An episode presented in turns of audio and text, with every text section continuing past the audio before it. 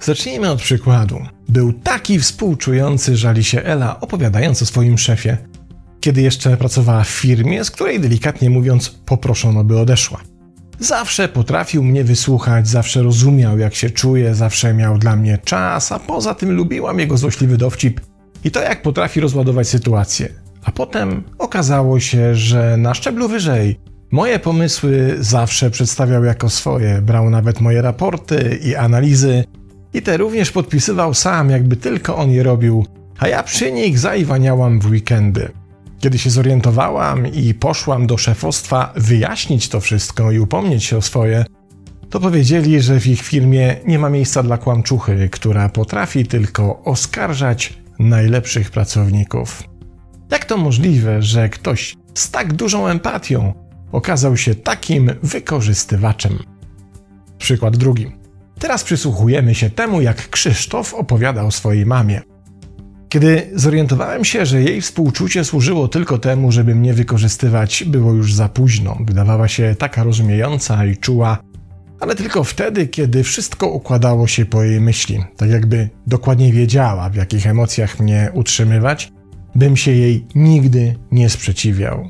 Nie ułożyłem sobie własnego życia, bo 40 lat żyłem w przekonaniu, że nie znajdę nikogo, kto by mnie tak rozumiał jako ona.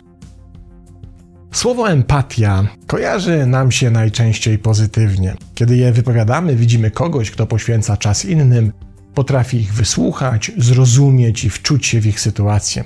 Potrafi współczuć i kiedy poświęca innym swoją uwagę, podziela ich emocje.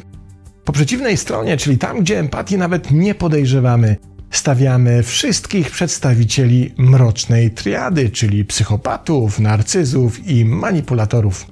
Ci skubańcy wykorzystują nas do swoich celów, manipulują i mają za gorszych od siebie. Ostatnią rzeczą, o którą ich podejrzewamy, to empatia, prawda? By przyjrzeć się temu, czy powyższe przekonanie jest zawsze słuszne, najpierw musimy się pochylić nad samą empatią. Otóż najczęściej mamy do czynienia z trzema głównymi typami empatii. Pierwszą nazywamy empatią afektywną i określamy tym terminem zdolność do odczuwania emocji, których doświadcza inna osoba.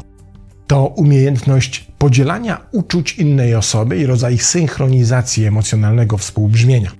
Sytuacja, w której nie potrzeba żadnych słów, żadnego wytłumaczenia, by dostrzec, że empata czuje dokładnie to samo co my. Drugi typ empatii to empatia poznawcza, czyli umiejętność pełnego rozumienia czyichś emocji i przeżyć z jednoczesnym brakiem potrzeby podzielania tego, co druga osoba czuje. To rodzaj zdolności precyzyjnej diagnozy odczuć drugiej osoby, ale z jednoczesnym powstrzymaniem swojego systemu przed wejściem w ten sam emocjonalny stan.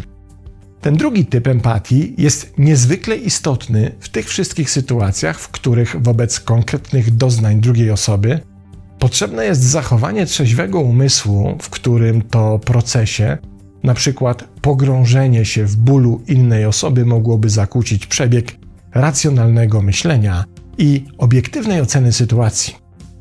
Trzeci typ nazywany jest empatią współczującą i definiuje się go w sytuacjach, w których do dwóch poprzednich typów dochodzi jeszcze konkretne działanie wspierające, czyli to sytuacja, w której nie tylko precyzyjnie rozumiemy drugą osobę, jak w typie drugim, czy odczuwamy dokładnie to, co ona odczuwa, jak w typie pierwszym, ale jeszcze uzupełniamy naszą empatię odpowiednią operatywnością, jakimś rodzajem konkretnego zachowania czy działania, które ma na celu udzielenie konkretnej pomocy. Jednak w świecie badaczy zaburzeń osobowości, szczególnie tych, którzy koncentrują swoją uwagę na delikwentach spod znaku ciemnej triady, coraz częściej wskazuje się na istnienie czwartego typu empatii, który został nazwany mroczną empatią, a osoby wykazujące takie cechy mrocznymi empatami. Uznaje się, że na odkrycie mrocznej empatii zwróciły uwagę głośne badania nad inteligencją emocjonalną, które przeprowadził zespół badaczy pod kierunkiem Emmanuel Fino z Uniwersytetu Nottingham. W badaniach tych chciano sprawdzić, czy przedstawiciele tzw. Tak mrocznej tetrady, czyli zestawu uzupełnionego o osoby wykazujące skłonności sadystyczne, wykazują się ponad przeciętnym poziomem umiejętności i cech z zakresu inteligencji emocjonalnej, co mogłoby być przez nich wykorzystywane do manipulowania innymi, dokonywania na nich oszustw czy innych antyspołecznych zachowań. Wprawdzie badania nie potwierdziły przyjętych założeń i okazało się, że wymienione wyżej zaburzenia osobowości nie wykazują pod względem inteligencji emocjonalnej odstępstw od średniej, to zwróciły uwagę naukowców na inny czynnik, który pojawił się niejako przy okazji. Okazało się bowiem, że wbrew temu, co myśleliśmy wcześniej, osoby z mrocznej tetrady wcale nie są pozbawione cech empatycznych. Jak podaje dr Susan Degges-White, profesor z Uniwersytetu Północnego Illinois, osoby te często wykazują dużo wyższy od innych wskaźnik empatii poznawczej.